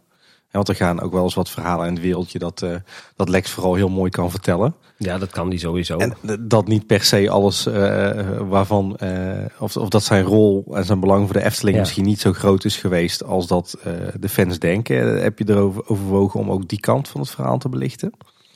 Ja, dat is een goede vraag. Ik, ja, weet je, vaak, ehm, vaak kijk ik naar van oké, wat zijn er allemaal, wat is er eigenlijk allemaal gebeurd, zeg maar. En probeer ik eigenlijk wel de generieke informatie naar boven te halen. Ehm, uiteindelijk, weet je, is het voor mij de, de doelstelling om, om, om de Efteling, zeg maar, gewoon eh, neer te kunnen zetten, de ontwikkeling van de Efteling neer te kunnen zetten. Ehm, ik denk, weet je, en hoe de meningen daarover zijn, ja, weet je, is op zich niet aan mij. Als mensen daar een bepaalde mening over hebben, ja, dan, eh, dan is, dat, dat is dat prima. Maar ik zou het zelf niet zo 1, 2, 3 reflecteren in een documentaire. Nee. Ja. Nou, nee, echt- het moet echt een mooi levenswerk van Ja, eh, iemand precies. zijn. Ja, ja, Ja. precies. Ja, Oké. Je bent dan eh, met Lex bezig en in één keer komt zo'n Python Plus tekening tevoorschijn. Ja, cool hè? Ja, wat denk je dan op zo'n moment? Denk je daar echt van, tof. Ja. En, dus- en wat dat betreft credits ook voor Sander. Die heeft dus dat hele ding in, eh, in No Limits gezet. En die heeft ook alles, alle berekeningen van Vekoma heeft hij gecheckt. en eh, ja, die kloppen gewoon ook tot op de, op de, op de minuut en seconde nauwkeurig. En dat is wel heel gaaf. Ja. Sterker nog, wij zijn zelfs nog eh, naar Vekoma geweest samen met Lex. En hebben met Peter Klerks, dus de, de originele, zeg maar, nou, ik wil niet zeggen uh, achtbaan-ontwerper, gesproken. Maar uiteindelijk is dat niet in de documentaire terug, uh, teruggekomen. Maar zelfs, zelfs dat soort dingen hebben we gedaan. Dat was wel, was wel heel tof. Zijn, zijn er ook zaken waarvan de Efteling niet wilde dat, uh, dat die uiteindelijk in jullie documentaires belanden? Nee, eigenlijk niet. Kijk, ze, ze, ze, kijken natuurlijk wel even van tevoren, maar het is meer gewoon om, te, om de vragen daarover te kunnen, te kunnen stellen. Maar nee, ze hebben nooit gezegd van dit mogen jullie niet posten. Nee, dat is, dat is niet gebeurd. Nee. nee. Hey, ik, ben, uh, ik moet zelf uh, ruidelijk toegeven, ik heb zelf nooit een, een actieve rol gehad op, de, op de vijf zintuigen in het, in het forum. Maar mm -hmm. een van de dingen die mij wel nog heel erg goed bijstaat is, is jullie benefietdag. Ja. Daar heb ik echt hele, zelf ook hele warme herinneringen aan. Kan je voor onze luisteraars die, dat, uh, die daar nog nooit van gehoord hebben, misschien eens vertellen wat dat uh, inhield? Ja, dat was wel dat was heel tof. Ik, ik kwam op een gegeven moment een van de oud wonderchatters tegen, Melvin, Melvin Blootshoofd. Oké, okay, ja, die kennen we En die had zoiets van, ja, ja, we moeten eigenlijk iets met een theatershow gaan doen. En ik zat zoiets ja, weet je, wij deden zelf heel veel veilingen, ook voor Villa Padus. En um, hadden zoiets van, nou, misschien kunnen we dat aan een goed doel koppelen, Villa Padus in dat geval kunnen we daar iets mee doen? En toen zijn we dus gaan kijken van ja, weet je, wat, wat kunnen wij voor zo'n dag uh, allemaal organiseren? Nou, hè, dus één theatershow, was al duidelijk. Uh, twee, uh, we waren in die tijd waren we al bezig met de Tom van de Ven documentaire. Dus mm. misschien kunnen we dat gaan doen. We hebben gekeken van, kunnen we misschien een orkest regelen? Nou, dan zitten we gelijk al met de Efteling aan tafel van, joh, hey, kunnen jullie misschien bladmuziek leveren? Nou, zij waren in die tijd waren zij bezig met hun eigen Efteling-uitgeverij. Dus dat werd wat lastig, zullen we zeggen. Mm. Dus waren op zich al ver gevorderd met, met het orkest. Uh, alleen ja, weet je, als je geen bladmuziek hebt, ja, dan, dan houdt het al heel snel op. Ja. En we hadden ook geen contact met Ruud destijds en ook niet met Maarten. Dus ja, we hadden het idee voor een echt Efteling-concert, maar dat kon helaas niet doorgaan. Dus toen hadden we bedacht van nou, misschien kunnen we dan iets met een paneldiscussie gaan doen. Dus samen met Piet van Haren, Tom van der Ven. Nou, Tom van der Ven werd er uiteindelijk later bij betrokken, zeg maar. Uh, Lex, Reinoud en uh, Paul Beck. Dat is een leuk panel. Ja, dat was echt... Nou ja, dat staat mij ook bij. Dat ik, ja. Dan moet je mij maar even corrigeren. Dan kom ik er meteen achter in hoe ver ik het nog herinner. Maar volgens mij was het een vrij compleet programma. Het was inderdaad, uh, volgens mij was er ook een, een verzamelbeurs. Ja, Daar heb ik zelf, klopt. Zelf ook weer veel te veel geld uitgegeven. Dat was volgens mij een, ja, volgens mij een volvertoning van die, ja. de documentaire van uh, over Ton. Nee, dat was, ja, dat was dus echt de première van De première, ja, daar heb ik klopt. ingezeten. Nou, daarna kwam die paneldiscussie. Ja. En toen inderdaad uh, de, de show nog, de theatershow. Met volgens mij, wat ik me kan herinneren, zaten daar uh, fragmenten in uit verschillende sprookjesshows. Hè? Ja, dat klopt inderdaad. Ze hadden dus iets van, ja weet je, het waren hele toffe sprookjesshows. En ook van Droomvlucht de Musical. En dat hebben we toen, uh, toen inderdaad kunnen doen in de voorste vennen. Maar goed, je bent uiteindelijk een jaar bezig met zoiets. En daarna is het wel even, even stoom opblazen. Want uh, wat, wat, weet je, uiteindelijk hebben we iets van 10.000 euro hebben we opgehaald voor Villa Padus. Dat hadden we totaal niet verwacht, weet je. En je weet ook niet wat het animo is van, van dat soort mensen. Nee. Dus, uh, ja. nee, want volgens mij was het toen best, best nog wel druk. Het was echt een dagvullend programma. Het was in de, de voorste verne in Drunen. Ook nog in de Antropiek, ja. of een locatie met een Antropiek tintje. Maar ik, volgens mij, ik kan me herinneren dat ik dat toen echt wel een hele toffe dag heb gehad. En me geen seconde heb verveeld. Nee, en dat is uiteindelijk ook wel een beetje onze basis voor onze evenementen geworden. Want ja, weet je, het is, uh, het is heel tof om weer, weer fans gewoon en, en ja, iedereen die de Efteling hart, warm hart toedraagt, ja. om nog weer bij elkaar te brengen. Ja. ja, het voelde toen ook een beetje als reunie inderdaad. Op dat moment was ik dus inderdaad zelf niet meer actief in de fancommunity betrokken. Nee. En dat was wel leuk om dan juist al die mensen ook uit dat hele wonderchat tijdperk terug te zien. Ja. En er liepen ook nog best wel veel Efteling-iconen ja, rond. Ja, zeker, zeker. Je zegt de reden waarom we evenementen zijn gaan organiseren. Wat zijn nog meer evenementen die jullie hebben georganiseerd? Want ik... nou, fotoworkshop is daar, uh, oh, is, ja, daar is, is, is, daar één van. Uh, nou, natuurlijk uh, de pubquiz. ja, ja. en de, de vragenuurtjes dan? En de vragenuurtjes, ja, dat klopt inderdaad. Dus vragenuurtjes was wel um, in, zeg maar, in de wonderchat tijdperk had Erwin Taats ooit een keer een vragenuurtje met 110 vragen of 112 vragen dat we aan de Efteling konden stellen. Die moesten van tevoren inzenden en dat werd dan door Henk Groene en Olaf Vugts werden die beantwoord. Mm -hmm. Ik had zoiets van, ja, eigenlijk moeten we dat weer gewoon een keer terugbrengen. Gewoon eens kijken van, hè, wat kan er mee? Nou, dus dat hebben we aan de Efteling voorgelegd. En die zeggen van, nou, weet je, dat lijkt ons heel tof om te doen. Mm -hmm. Um, uh, dus uh, nou, stuur de vraag maar in. Dat hebben we dus samen met uh, Team Park ook voor de tweede, ronde, tweede vragenuurtje hebben we dat georganiseerd. En stiekem was het altijd wel mijn, mijn doel om een D23-achtig ding Ja. te, te organiseren. maar ja, dat is helaas niet helemaal van de grond afgekomen. Wat, wat niet is, kan nog komen, hè? Ja, ik, ik sta er sowieso altijd open voor. Efteling heeft zoiets van, ja, weet je, wij kunnen, wij hebben eh, va- vaak onze eigen timing wat betreft eh, dingetjes naar buiten brengen voor pers en dat soort dingen. Want ik heb natuurlijk wel met, eh, met, met Efteling overleg van, joh, hè, kunnen, we, kunnen we daar iets mee doen? Hè?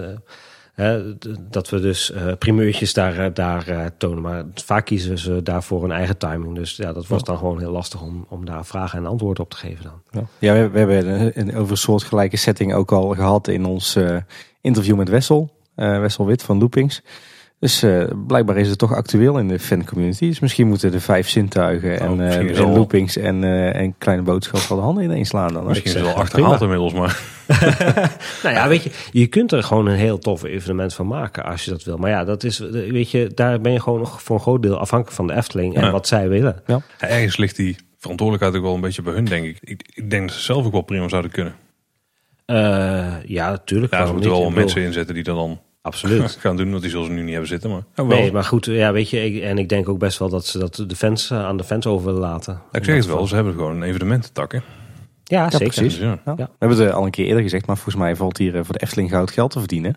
Ja. En, eh, en, en natuurlijk ook een heleboel positieve publiciteit. En de fans, daar wordt dat smul voor. Maar goed, daar hebben we het, al een keer uitgebreid over gehad.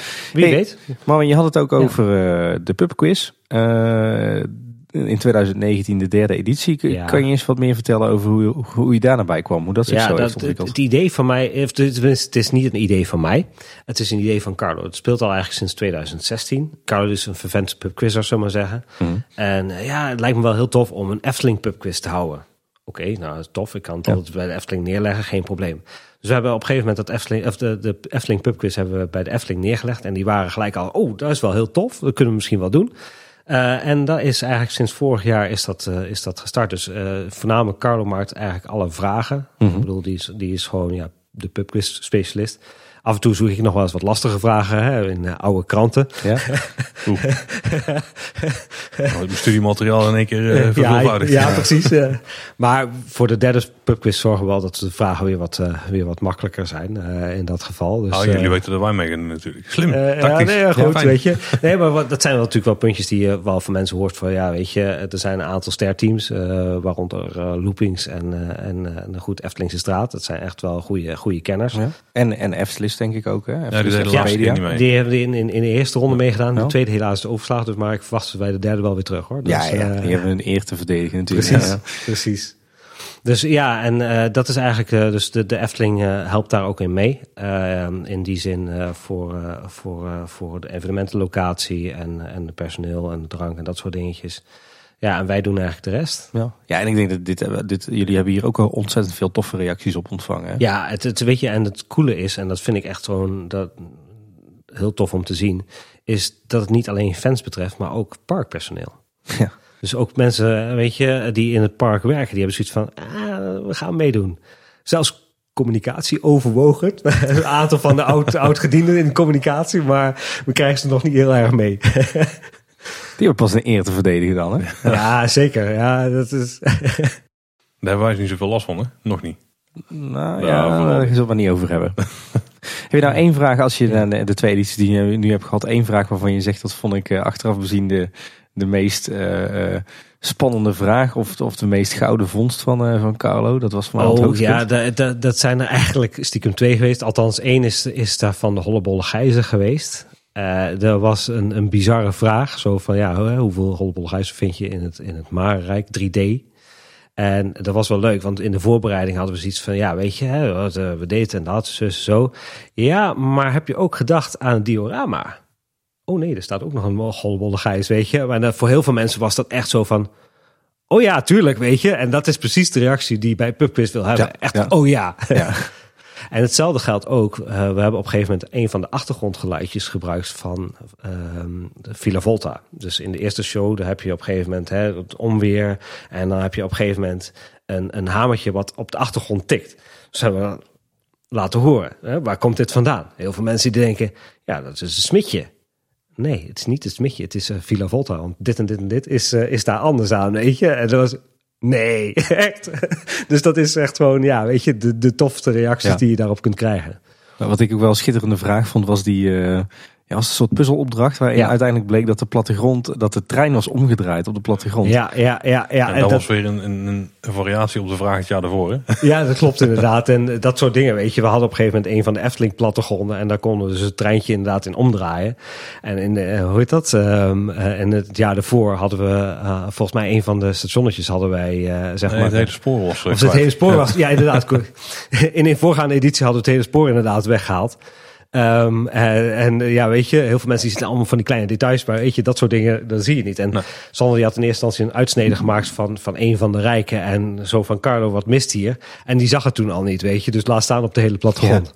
Dus dat is gewoon, weet je. Maar ook van die, van die hele, hele, hele geniepige dingetjes. Wat op een gegeven moment uh, hollebolle gijsgeluidjes laten horen. En eentje miste daar. En de matroos Gijs, die, wist gewoon, die wees gewoon het goede, goede antwoord al aan. Ja. Weet je, dat soort dingetjes. En dat is typisch Carlo, Carlo streken, zeg maar. Dus wees daar beducht op Ja, tijdens de volgende pubquiz. Volgens mij een van de, van de meest recente eh, initiatieven van jullie kant is de making-of van de, de Python. Hè? Of Ja. van de, de Python 2.0. Dit Python 2.0, ja, dat was wel een van de tofste projecten. Zeker ook voor, uh, voor, voor, wat, voor, wat, ja, voor dit jaar uh, van, van de vijf Sintuigen. Ik moet zeggen dat uh, dat begon eigenlijk al in vorig jaar september. Want ze zouden eigenlijk volgens mij ergens de Python al in december gaan, gaan, ja, gaan slopen. Mm. Nou, dat is toen uitgesteld. En wij werden eigenlijk al heel vroeg betrokken bij van, ja, weet je, uh, goh, uh, vinden jullie leuk om, om daar een documentaire over te maken? Zei, nou ja, tuurlijk, weet je, dat lijkt ons heel tof om te doen. En zodoende uh, zijn we dus met communicatie in gesprek gegaan van ja, misschien moet je dan ook iets doen voor de fans. Uh, het lijkt ons wel heel ja. erg tof om, om daar iets een afscheidsdingetje te doen. Nou, dat hebben ze dus ook opgepakt. Um, en we zijn eigenlijk gaan filmen. Ja, en daar is wel, dat was wel heel tof. Ik moet zeggen dat um, zeker toen ook de eerste treintjes van de baan afgingen, weet je, dat je daar gewoon bij kunt staan. En Efteling had verder geen persfotograaf uh, uh, gehuurd, zeg maar. Dus ik had zoiets van, nou weet je, ik maak wat foto's. Willen jullie die eventueel gebruiken? Ja hoor, geen probleem, weet je. En zo kun je dan een hele toffe samenwerking met het park uh, ontwikkelen. Ja. ja, dit kwam voor mij inderdaad toch wel echt als verrassing dat jullie... Ja, ik was heel blij dat het nog er was. Want ik had eigenlijk ja. verwacht dat de Efteling weer, net zoals eigenlijk bij Baron 1898, ook een achtbaan. Maar in dat geval werd die volledig opgebouwd. En dat werkte toen heel goed dat ze daar toch wel veel uh, met een YouTube-serie of zo zouden gaan doen. Ja. En die kwam er niet en die kwam er niet. En gelukkig, in één keer waren jullie daar. Ja, klopt. Met een heel complete nou, we, we, we, hadden dus ook gewoon, ik, ik, ik weet niet of, of, of, ik, of, ik, of ik het zeg maar goed zie, maar uh, volgens mij had de Efteling zelf in eerste instantie niet zo heel veel in gedachten. Zo hadden ze van, ja, weet je, we gaan de Python slopen, we gaan een nieuwe zin zetten, klaar. En uh, weet je, het is een leuke, leuke klus voor vijf zintuigen. Um, maar uiteindelijk kwam er zoveel animo op dat wij ook gewoon echt materiaal zeg maar, hè, naar kranten moesten sturen om te zeggen van ja, weet je, de Python wordt gesloopt. En, en dat zijn van die dingen die je dan ook ja, uh, tegenkomt. Maar ook soms om, om half zeven s ochtends op de, op de bouwplaats staan, omdat dan de eerste, eerste trekdelen ja. binnenkomen, weet ja. je. Dus, uh, ja, super tof. Ik denk dat, dat, dat voor de leek dat het verschil ook niet te zien is tussen de vijf zintuigen docu en, en een nee. andere making-of van de Efteling wat dat betreft. Nou ja, bij deze, deze, deze, weet je, ik, en ik denk dat de, dat de doorgewinterde fan waarschijnlijk ook wel een beetje de parallellen ziet met de Baron en zo. Daar hebben we hem ook wel op, op, op gebaseerd, zeg maar. Uh, maar ook vanuit Efteling uh, wel vaak ook wel de reactie gekregen van ja, weet je, jullie, jullie um, uh, documentaires die schuren echt heel dicht tegen onze producties aan, weet je. Dus dat, ja. Tof. Ja, heb, heb je zo nog meer plannen uh, richting de toekomst voor dit soort video? Uh... Ja, altijd. Ik bedoel, maar goed, dat hangt ook even helemaal af van de Efteling. Ja, precies. Is, uh, maar goed, weet je, ook, ook met, met Europa Park, weet je, daar zijn, er zijn genoeg ideeën die we er ook kunnen toepassen weer op de Efteling. Als we dat... Over Europa Park gesproken. Mooi bruggetje. Ja, ja, Heel, goed, heel goed aangegeven, Marvin. Ik denk dat een van de meest veelbesproken stappen die jullie ooit als uh, de vijf zintuigen hebben gezet, toch wel ja. het, uh, het zijspoor richting Europa Park uh, is. Apart, hè? De, de wisselstrook richting Europa De wisselstrook, ja. Nou, ik heb dit altijd al even willen vragen, Marvin, maar... Ik denk wel waarom, meer mensen. Waarom? Waarom? waarom? Ja. Hoe dan? Hoe dan, precies, ja. nou, weet je, um, het verhaal met Europa Park begint dan voor mij al 2005. Dat was mijn eerste keer Europa Park. Uh, als je me toen had gevraagd, van, goh, welk park vind je het tofste? Dan was dat gewoon per definitie Efteling geweest. Ja. Um, maar... Stellen we die vraag jou vandaag, dan zeg je? Dan zeg ik Europa Park. Dat is misschien even heel gek, maar... Oh, ja, daar is het gat van de deur. Oké, okay, ik ga nu. nee, ja, weet je... De, ik zal het waarschijnlijk zo meteen nog Ja, ja. Iets, iets verder uh, La- nuanceren. laat je vooral niet door ons eh Nee, nee, nee. Ik, nogmaals, brengen, ik vind? Efteling een heel tof park. Eh, absoluut. Eh, wat dat betreft eh, ook geen, geen bezwaren daarin. Maar dat is mijn persoonlijke mening. Anyways, ehm, we hadden altijd wel een idee om een, een drieluik te maken over, over Europa Park. Gewoon omdat ik het een heel tof park vind. En eh, weet je, dus ik had al contact met Henk gezocht van goh, Henk Groene, die eh, dus voor eh marketing en communicatie doet voor Europa Park, Nederlands en België. En voorheen de dus de- Efteling. Ja, en voorheen inderdaad in de Efteling. Dus, en ik ken natuurlijk Henk ook al vanuit de, vanuit de Efteling-tijdperk. Vervolgens zei hij, nou weet je, is dat leuk om een drieluik te doen? Ja, dat is wel tof, kunnen we wel iets mee doen. Nou, eh, wat gebeurde er? Misschien moet je naar de EAS komen, want we hebben daar een persconferentie dus, eh, hè, van onze nieuwe, nieuwe Dark Ride, Arthur. Eh, misschien is het leuk om er erbij te zijn. Nou, dus wij hadden sowieso het van, we gaan toch sowieso voor de EAS wel even een videootje maken, dus hartstikke goed. En op een gegeven moment kwamen we daar in, in gesprek met de, markt, of, in de, de manager van Mark Media. En goh, wat is dan vijf zintuigen? En wat doen jullie? Nou, we maken videoproducties. We doen eigenlijk heel veel voor de Efteling en dit en dat, zo, zo. Dan zegt hij, misschien moet je dus vlogjes gaan maken. Oké, ja, het zou kunnen. Nou, we zijn toen met eh, Henk op een gegeven moment meegegaan met een persreis. Ook eh, hebben we dus Ar- Arthur daar ook gefilmd en dat soort dingen. En daar hebben we dus ook een, een, van gemaakt. En vervolgens eh, zijn we op de terugreis, hebben we zo van Henk, van Henk, joh, weet je, is het misschien leuk om iets met een vlog te gaan doen? Ja, dat kunnen we wel doen. Hè. We alleen wel een presentator houden. Nou, ik had zoiets van, nou, misschien kan ik Joey van der Velde vragen. Hè. Dus eh, misschien tof, maar ja, die was heel erg druk bezig. Eh, dus toen werden er suggesties vanuit, eh, vanuit mijn team gedaan. Eh, zo van, ja, misschien moet je Bram gaan vragen. Want die heeft, weet je, die doet acteren en dat soort dingen. En die zal het ongetwijfeld leuk vinden. En die komt ook uit onze eigen, weet je, community. Over Twinkeltoorts gesprekken. Hij, hij was eigenlijk de man van de Twinkeltoorts meeting, zullen we maar zeggen. Weet je, dus in die zin, hij had al een goede band met de community. En dat was wel heel tof. Ehm, dus we hebben daardoor de eerste opnames kunnen maken in Europa Park. Een eerste teaser. Dus dat is alweer bijna vijf jaar geleden. En vervolgens hebben we een aantal onderwerpen gekozen. En eh, weet je, dan word je dus ook begeleid door Europa Park. En ja, weet je, eigenlijk was daar helemaal niks te gek. En toen had ik wel zoiets van, ja, dit is wel heel gaaf om daar gewoon video's over te maken, weet je. En we zaten ook een beetje in die tijd wel met de Efteling zo van, ja, hè, wat kunnen we doen? Wat kunnen we video's maken? Efteling was zelf heel erg bezig om de hele internettak op te zetten en ehm, ehm, hun ding daar te doen. Dus ja, veel ruimte voor, voor ons was daar niet altijd. En die ruimte kregen we bij Europa Park wel. Dus ik had zoiets van, ja, weet je, misschien moeten we daar gewoon wat mee doen. Ja. Uh, uiteindelijk is het gewoon heel erg belangrijk dat je je eigen plezier daarin hebt en dat je je eigen ei erin kwijt kunt. En dat was voor mij wel een van de redenen om te zeggen, weet je wat, we gaan Europa Park supporten in dat geval. Ja. Nou ja, dit is, ook helemaal geen kritiek. Ik bedoel, Nee, maar, nee, het, nee, het maar is het is wel het meest. Ja, het is niet een, het is niet een logische keuze. Nee, Nee. maar ik denk wel als wij, als we deze stap niet hadden gezet, dat het waarschijnlijk voor de site nog verder dood was gebloed. En weet je, ik hoop ook eh, dat, eh, ondanks dat het, weet je, misschien Europa Park is, eh, dat mensen, ja, weet je, de video's zien en ook gewoon wat meer leren ook over de attractieparkwereld. Want heel veel dingen die je in Europa Park ziet, gelden ook weer voor de Efteling. En dat vind ik wel heel tof om te, te, kunnen, te kunnen laten zien. En sterker nog, eh, we kregen re- recentelijk nog een heel tof compliment eh, vanuit Zwitserland. Want oh, tegenwoordig kijken er ook heel veel Duitse fans mee. Ondanks dat ze Oh, Bram totaal niet kunnen verstaan. Maakt niet uit. want Ze kunnen vaak de interviews wel volgen. En die zeggen al, weet je, stiekem is het eigenlijk wel veel leuker dan de Junior Club. En Junior Club is een, een productie van Mac Media. Dus weet je, eh, want het is namelijk gewoon, gewoon heel erg natuurlijk. En weet je, er zit veel meer informatie in, weet je. En dat is wel heel Ja. tof. Eh, Heb je ooit overwogen om, om het met, eh, naast de Efteling en Europa Parken de, de, op nog meer parken te betre- betrekken? Ja, we hebben ooit een keer gesprek gehad met Duinruil. Eh, want die hadden zoiets van, ja, wa- wat jullie eigenlijk doen is heel erg gaaf. En misschien kunnen we daar aan aanhaken. Maar ja, weet je, wat je merkt is dat, nou goed, eh Europa Park sloeg op het forum niet echt aan. Video's wel.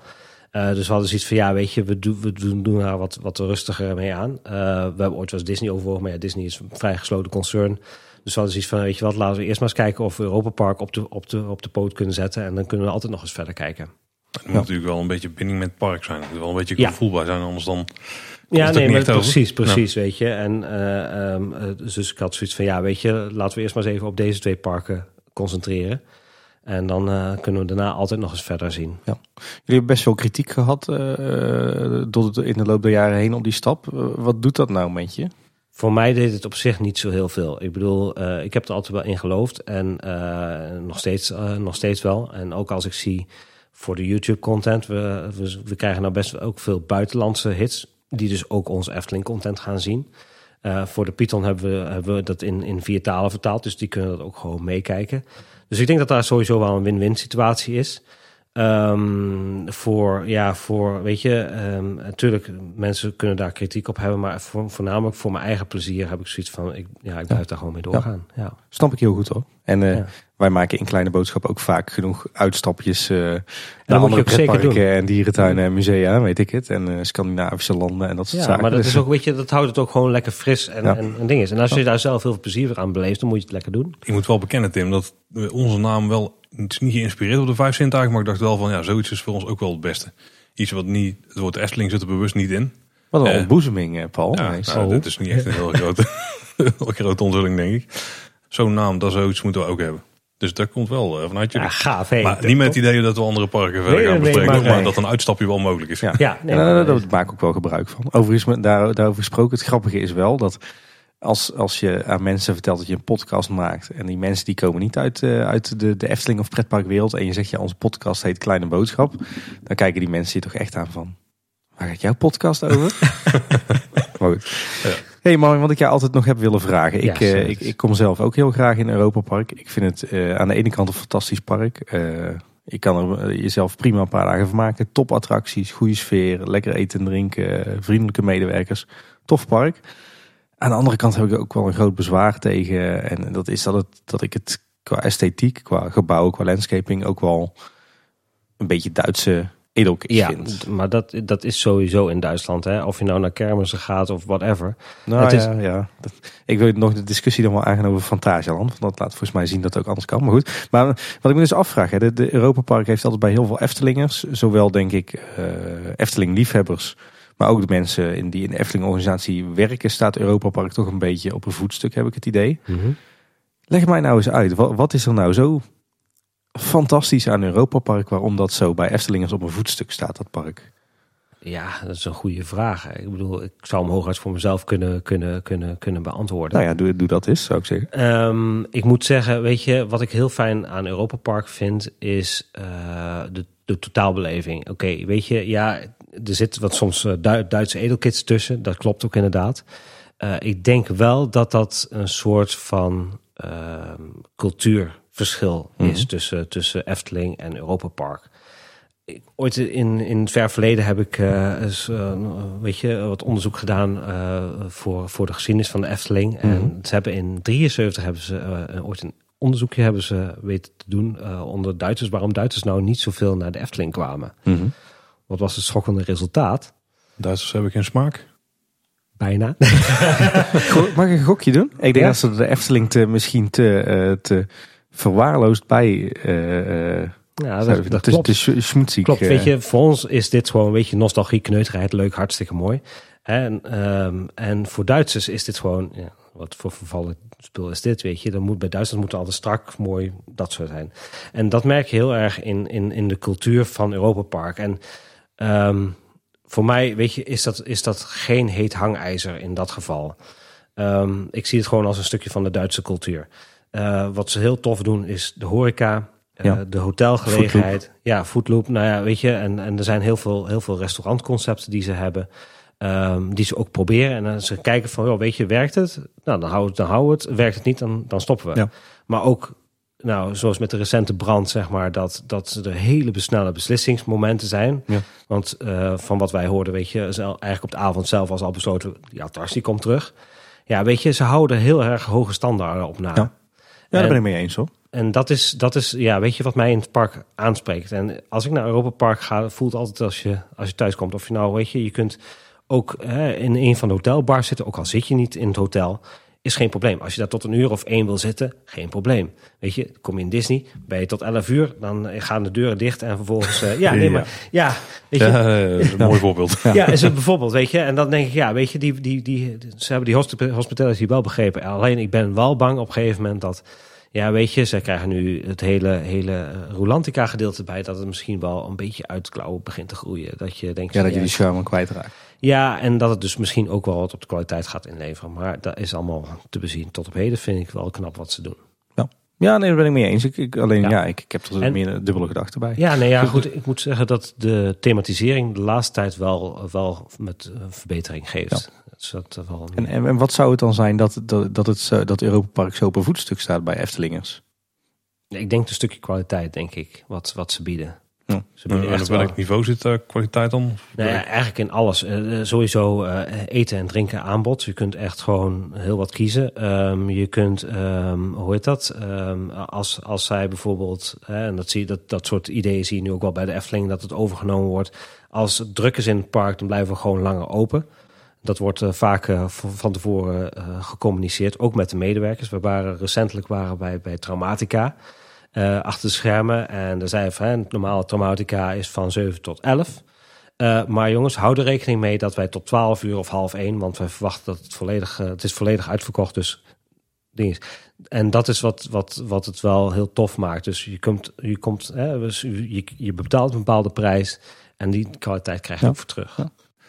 Ik, ik, vind, ik kan me de vinger er niet echt op leggen, maar ik, Ja. ik zie dan zo'n, ehm eh, ik weet niet eens hoe ding heet, zo'n Eurosat die je heropent. Ja, Die wordt zo'n Cancan, eh, de Cancan coaster is het nu geworden. ja. En dan heb je daar een wachtrij en eh, dan zie ik op een video zie ik het ding langskomen. En dan denk ik, ja, dat ziet er gewoon netjes uit. Zie ik gedaan, maar op een of andere manier...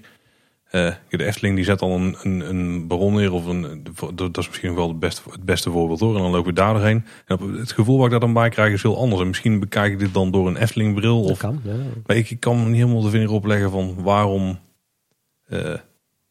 waarom is het zoiets groots als de Efteling dat doet. En waarom Europa Park lijkt bijna standaard dat ze daar gewoon als een dolle van alles aan het knallen zijn. Is het dat Ja, dat, misschien maar- de frequentie waarmee ze het doen, dat er dan bij Ja, de maar dat Efteling is- dat alles is wat ze wel- doen wel indrukwekkender laat lijken of zo?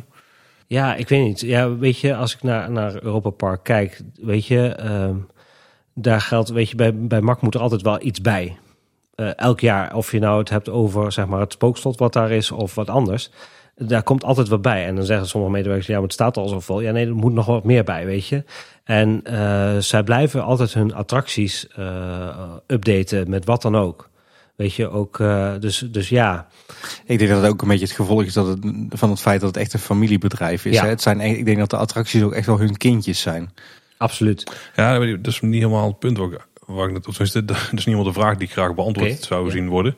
Het is meer van het gevoel wat Europa Park bij me oproept is echt volledig anders dan wat de Efteling doet. En misschien is het omdat ze bij Europa Park maar blijven vuren, zeg maar. Ze vuren zoveel op je af. Ja. Dat, het- dat, dat je niet echt de tijd krijgt om het te gaan waarderen of zo. Of dat, dat wordt, er is geen opbouw naar... eh, Nee, Na- na- ze, na ze- openen elk, elk jaar wel iets, zeg maar. Dat, dat klopt inderdaad.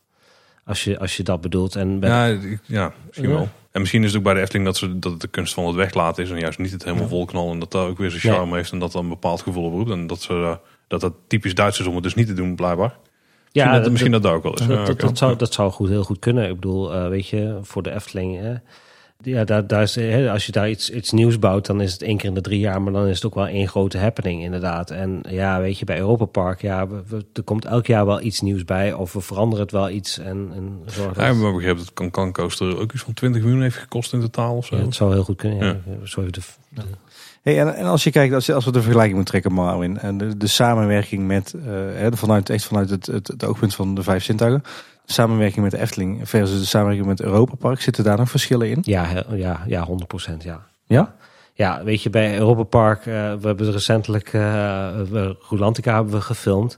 Weet je, op de EA sprak ik een van de, van de designers, zeg maar, van de hoofddesigners binnen Europa Park. En oh, we gaan een Rulantica video maken. Ja, zegt hij, moet je wel even naar de kelders, weet je. Dan is het wel heel tof om daar, om daar gewoon even rond te zijn, eh, rond te kijken en dat soort dingen. Weet je, en dan eh, ook op de bouwplaats, goh, kunnen we even daar kijken? Ja, geen probleem, is, is, is hartstikke mooi en Ja, prima. ja. En bij Efteling is dat vaak wat meer afgekaderd. Dat, eh, Ja. dat, dat, dat bepaalde dingen, weet je. Ehm, ja, Minder kijkers achter de schermen. Dat is, ja, dat is wel, weet je, zij proberen die magie wat meer te behouden. En misschien ja, heeft het te maken met, met, met Roland Mak, want die is zelf ook wel hè, engineer. Maar, Ja. Dus Ja, eh, wel een hart voor techniek. Ja. Oké.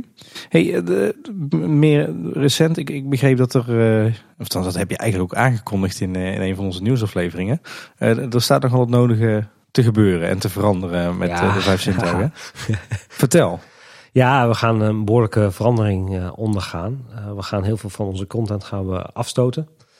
Ehm, en we gaan eigenlijk op uh, evenementen en, uh, en onze video's, onze twee sterkste poten, gaan we, gaan we door. Ja, want het, het forum verdwijnt dus, hè? Ja, het blijft wel nog een reactiemogelijkheid, ook voor, voor op de nieuwsite, daar zorgen we wel voor. Maar het echte, echte forum, weet je, dat is wel stilgevallen. Ik denk ook wel dat de rol van social media daarvoor een deel uh, aan te wijten is. Ja, ja, want sinds wanneer is dan, uh, je had net ook even kort over het teloorgang van het forum, wanneer is dat dan ingezet voor je? Ja, het is moeilijk om daar een echt een punt aan te gaan, maar ik denk dat het sowieso al twee, drie jaar al vrij rustig okay, is. ja. ja. Ja, op zich denk ik wel goed dat jullie nu zeggen van joh, we gaan ons gewoon focussen op onze sterke punten. Ja, nou weet je, het punt is op een gegeven moment, uh, en dat is ook met een parkgids zo, weet je, uh, ja, volgend jaar gaat Bob dan dicht. Hè? Uh, weet je, als dan bij ons dan nog staat de Bob, hè, dit en dat zo, zo, we hebben nog niks met Max en Moritz. Ja, dat staat ook heel erg stom. En ik heb zoiets van, ja, je kunt het wel online houden, maar wat is de toegevoegde waarde? Ik bedoel, hè, er bestaan fantastische initiatieven zoals Loopings en, en ook Eftepedia, weet je, die daar goed hun, goed hun werk ja. doen. Weet je, laten wij dan ons gewoon focussen op, op de dingen die wij heel tof en goed kunnen doen. Ja. ja, je gaat dus echt naar twee pijlers werken, je video's en je evenementen. Ja. En in beide gevallen voor Efteling en Europa Park? Of? Ja, dat is wel uh, voor Efteling en Europa Park. Ja. ja. evenementen ook richting ja, Europa Park? Ja, oh. ook evenementen inderdaad in Europa Park. En daar gaan we wel wat samenwerking nog in zoeken met andere partijen. Uh, maar dat is wel de bedoeling. Ja. ja. En, en wat zijn dan zoal plannen voor de toekomst? Als uh, in evenementen. En, uh, of, Nou ja, gewoon. Wat, wat, wat kunnen we de komende tijd van de vijf zintuigen verwachten? Na, die, na jullie grote rebranding, zeg ja, maar. De, ja, nou sowieso wil ik eigenlijk wel meer evenementen binnen de Efteling houden. dan moet je ook denken aan fotoworkshops. Misschien andere meetings die we met de Efteling kunnen doen. Mm. Um, ja, en, en qua video proberen we nu, want de Efteling content blijft nu op dit moment wel uh, gewoon achter. Uh, als we nu te kijken, weet je, ook op terugkijken voor dit jaar. Alleen de Python documentaire, terwijl we wel weer, als we in Europa Park zijn, doen we vier, vijf vlogjes schieten. En dat is dan wel weer uh, mm -hmm. meer. Dus ik wil eigenlijk ook wel meer video's daarin gaan schieten. En kijken wat we vanuit ja. Europa Park kunnen transfereren naar. Nou, we hebben jullie ook gezien bij Caro en bij de opening van de Vrolijke Noot natuurlijk. Ja, dat is waar. Dat is waar. Daar hebben we ook nog even de twee video's gemaakt. Klopt. Ja, precies. Ooit, ooit gedacht om ook een podcast te beginnen? Ja, dat, uh, dat is een van de, de, een van de vele gesneuvelde plannen uh, okay. van, uh, van vroeger. Nee, dat klopt. Erwin, Erwin die begon natuurlijk met Parkcast. En als iets van, ja, weet je, misschien is het eigenlijk wel leuk om een podcast te beginnen.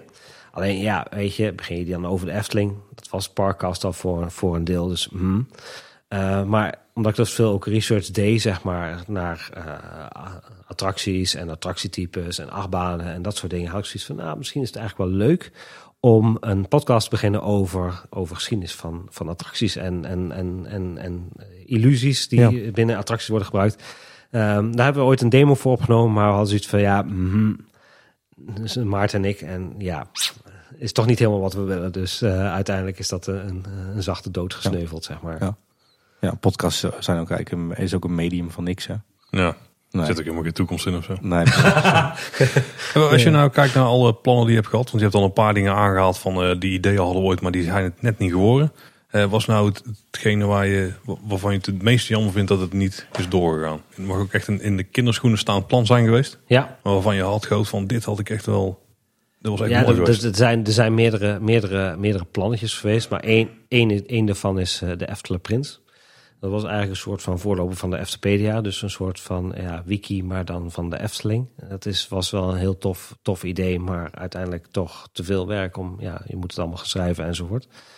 Um, ja, de, uh, live video uh, was wel een van onze, uh, een van onze tofste, tofste ideeën al, zeg maar, met Joris en de Draak. Maar ja, dat, die is pas echt gewoon veel later kunnen plaatsvinden. En dan nog zitten we, weet je, met bandbreedte in de Efteling. Ja, en met bereikbaarheid in de, in de krochten van symbolica. Precies, precies. dus dat was ook al, weet je.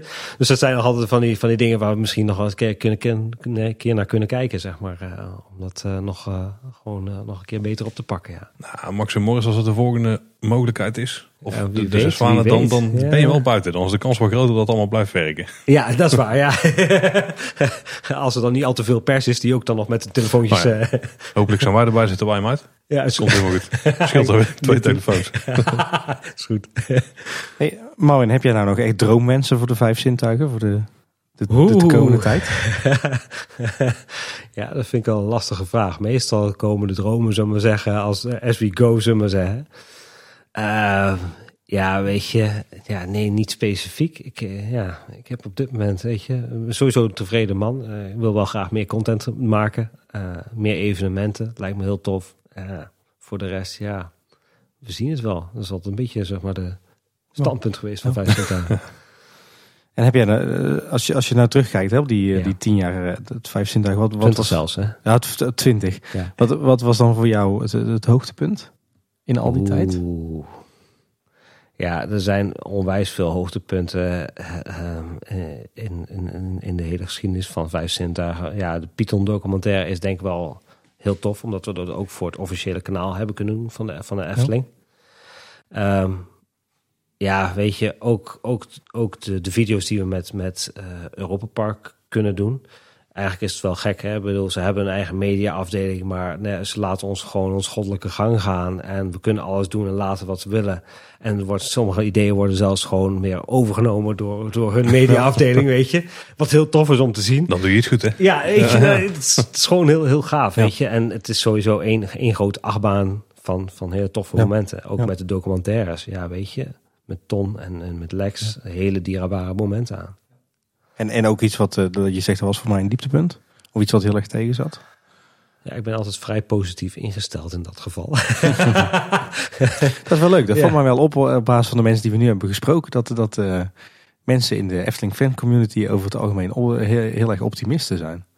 Ja, dat, dat, ja, ik denk dat je dat ook wel moet zijn. Weet je, tuurlijk, je hebt wel eens, uh, wel eens een oneenigheid ook wel met de Efteling. Uh, maar ja, weet je, dan zoeken wij altijd wel een andere weg om dat eh, te kunnen doen. En ik was een, een, paar jaar geleden was ik bij de, de IAPA in Orlando. Mhm. En ik was wel heel tof met eh, een aantal van die oud corriveeën, waaronder Marty's Clar en uh, Disney corriveeën, zeg maar. En uh, op een gegeven moment was er iemand in de zaal die zei van joh, hè, maar jullie hadden vroeger totaal geen bureaucratie. waarop een van de, van de Disney heren zei, hoezo niet? Wij hadden ook bureaucratie, live with it. Weet je, en hoe, hoe meer je beperkt wordt, hoe creatiever je wordt. En, en dat vind ik altijd wel, ja, vond ik een hele mooie, mooie wijsheid om, om, om mee te nemen. En, dat, ik moet zeggen, dat is uit vijf, vijf zintuigen, weet je. Soms worden ook wel beperkt door, door, een, door, een, door, door de Efteling. En dan moet je gewoon andere manieren vinden om daarmee aan, aan de slag te gaan. dan kun je zeggen van, ja, weet je, noem je het een dieptepunt. Ja, vind ik niet. Weet je, dan, dan zoeken we wel weer iets anders. Een ander oogpunt noem je het ja. Ja, precies. Ja, Hey, over Disney gesproken, ik zie hier ook een uh, mooi boek liggen. Uh, over ja. Phantom Manor. Ja, sowieso een aantal dingen meegenomen. Ja, precies. We, we hadden het, het t-shirt van Wonderchat al, van de Wondermeeting. Maar wat, wat, ligt, wat heb je nog meer eh, meegenomen? Ja, het uh, papier hierbordje uh, van uh, tien jaar vijf zintuigen. toch wel een heel tof ja, pronkstuk, om het zo maar te zeggen. Um, Niet laten vallen, Paul. Nee, hou stevig vast. En, een kleine anekdote, Paul heeft, heeft bijvoorbeeld tijdens de, tijdens de Python, uh, uh, tijdens de opname van de, onze Python-reportage, heeft hij het, het, volledige opnameapparaat op de vloer laten kletteren. En dat was niet het, het, eerste en niet het laatste wat hij heeft laten vallen. Dus uh, kijk maar uit. Ja, ja hij heeft het wel netjes neergelegd. Ja, Nee, dus uh, een aantal van onze forumleden die had uh, zoiets van, ja, weet je, vijf zintuigen, tien jaar, moeten we iets speciaals voor doen. Dus die hebben de directie gevraagd van, goh, hè, willen jullie misschien iets op camera, wil je daar iets, uh, iets zeggen? Nou, dat zeiden ze, ja, kunnen we wel doen. En we gaan ook voor, voor de vijf zintuigen gaan we een tof, tof cadeautje bedenken. En die hebben we toen uit handen van Karen van Berkel gekregen. Ja, toen de tijd. En, Koen, en Koen, ja. ja. precies. En Koen, Koen Bertens. Dus dat was ja, echt een heel tof, uh, memorabel moment. Daar ben ik wel jaloers op, ja. Ja, we hebben het t-shirt natuurlijk hè, van de Wonderchat meeting. Ja. Die hebben we al besproken net. En we hebben nog twee boeken. Ja. Uh, we beginnen wel even met de meest... Chroniek van het sprookje. Uh, we beginnen even met... Oh, niet? We beginnen met de meest ver wegstaand van onze... De houten van, van onze hobby. Ja. Het Haunted Mansion boek, Imagineering a Disney Classic. Die is nog niet zo heel oud, toch? Nee, klopt inderdaad. Vorig jaar? nee, nee, zelfs twee, drie jaar terug al. Okay. Ja. Want, Over die van de Pirates of the Caribbean. Die is nu... Dat zou... Ja, die is recenter. Ja. Dit boek kun je natuurlijk gewoon kopen. Maar dit is een speciale uitvoering. Dit is een hele speciale uitvoering, ja. Vertel. Um, we, zoals ik al zei, we waren een aantal uh, jaren geleden was ik dus bij de Disney uh, beurs. En um, uiteraard was Reinoud daar ook. Nou ja, goed, uh, Rein ken, ken ik heel goed. Um, en die had zoiets van, weet je wat, hè, misschien moet je maar eens bij de Disney Legends zijn. En vervolgens, uh, weet je wat? Ja, maar ja, weet je, als je dus daar, daar wil bij wil zijn, dan kost je dat 100 of 120 dollar, zeg maar. Ja, weet je, dat hadden wij niet op onze op dingen staan. Eh, weet je wat? Jullie gaan daar gewoon zitten en uh, dan is het geen probleem. En daarnaast, we hebben namelijk de Lex documentaire is vertaald voor Bob Rogers. En Bob Rogers is een oud Imagineer van, van, van Disney. En dan, daarnaast laat ik je dan ook gelijk even kennis maken met Bob Rogers. Want die was daar ook als een van de, van de sprekers. Dus uh, nou goed, Reinhard en uh, mijn zus en ik die gaan daar naartoe. Ah, oh, Reinhard, hoe is het mee? Dit, dat is zo hartstikke goed. Ja, en dit is Mario van de Hoeven en die heeft voor de Lex documentaire. Oh, tof, hartstikke leuk en leuk dat je hier bent en ga lekker zitten, geen probleem. Maar kon, ja, ik kon niet Nederlands dan? Nee, ik kon geen Nederlands, want het is allemaal in het Engels. Maar goed, dat is geen probleem voor mij. Um, en op een gegeven moment, ja goed, Lex zei van ja, weet je, de Give Kids World, hè, dus de, de, de, de Amerikaanse versie van Villa Pardoes. Die bestaat zoveel jaar, ik moet nog even naar de stand toe, dus die ging weg. En op een gegeven moment uh, ja, komen die mensen van die Japa komen die kaartjes scannen, die badges. Dus die komen bij ons en bliep, nee, hm, um, jullie hebben nog niet betaald. Dus, dus ik denk snel van, hm, hoe, kan ik, hoe, kom ik hier onderuit? Ja, zeg ik, dat mag van Bob Rogers wel hier zitten. Dus uh, hij, hij kijkt even links, rechts. Uh, Oké, prima, dan ga ik zo meteen even vragen. Dus hij loopt door. Hij scant de tweede rij, hij scant de volgende vak, hij scant het volgende vak en loopt weer naar buiten toe. Zonder überhaupt gewoon Bob Rogers maar te vragen, weet je. ja, dat was toch wel een van de mooiste, mooiste momenten. En ook Marty Klaar was daar, uh, zeg maar, ook om handtekeningen uit te delen. Uh, ook na die tijd en zo. En die staat er dus ook in. En ja. uh, beide gesigneerd. Ja, en er staat nog een mooie boodschap in, hè? Ja, van Bob Rogers. To Marwin, thank you for the great talk about Lex. Ja, dus zelfs in Amerika is het bekend. Ja, precies. Die kan je in de zak steken. Ik vind, ja. ik vind het wel leuk hoe makkelijk jij het erover hebt, uh, Marvin. Hoe, uh, hoe uh, dat, dat mensen als Lex en Ton en, en Reinoud, dat zijn een beetje wel jouw, ja, jouw maten. Hè? Jouw, ja, dat, is wel een beetje het wereldje nou, waarin jij... Om, om, daar, om daar nog even een leuke anekdote over te vertellen.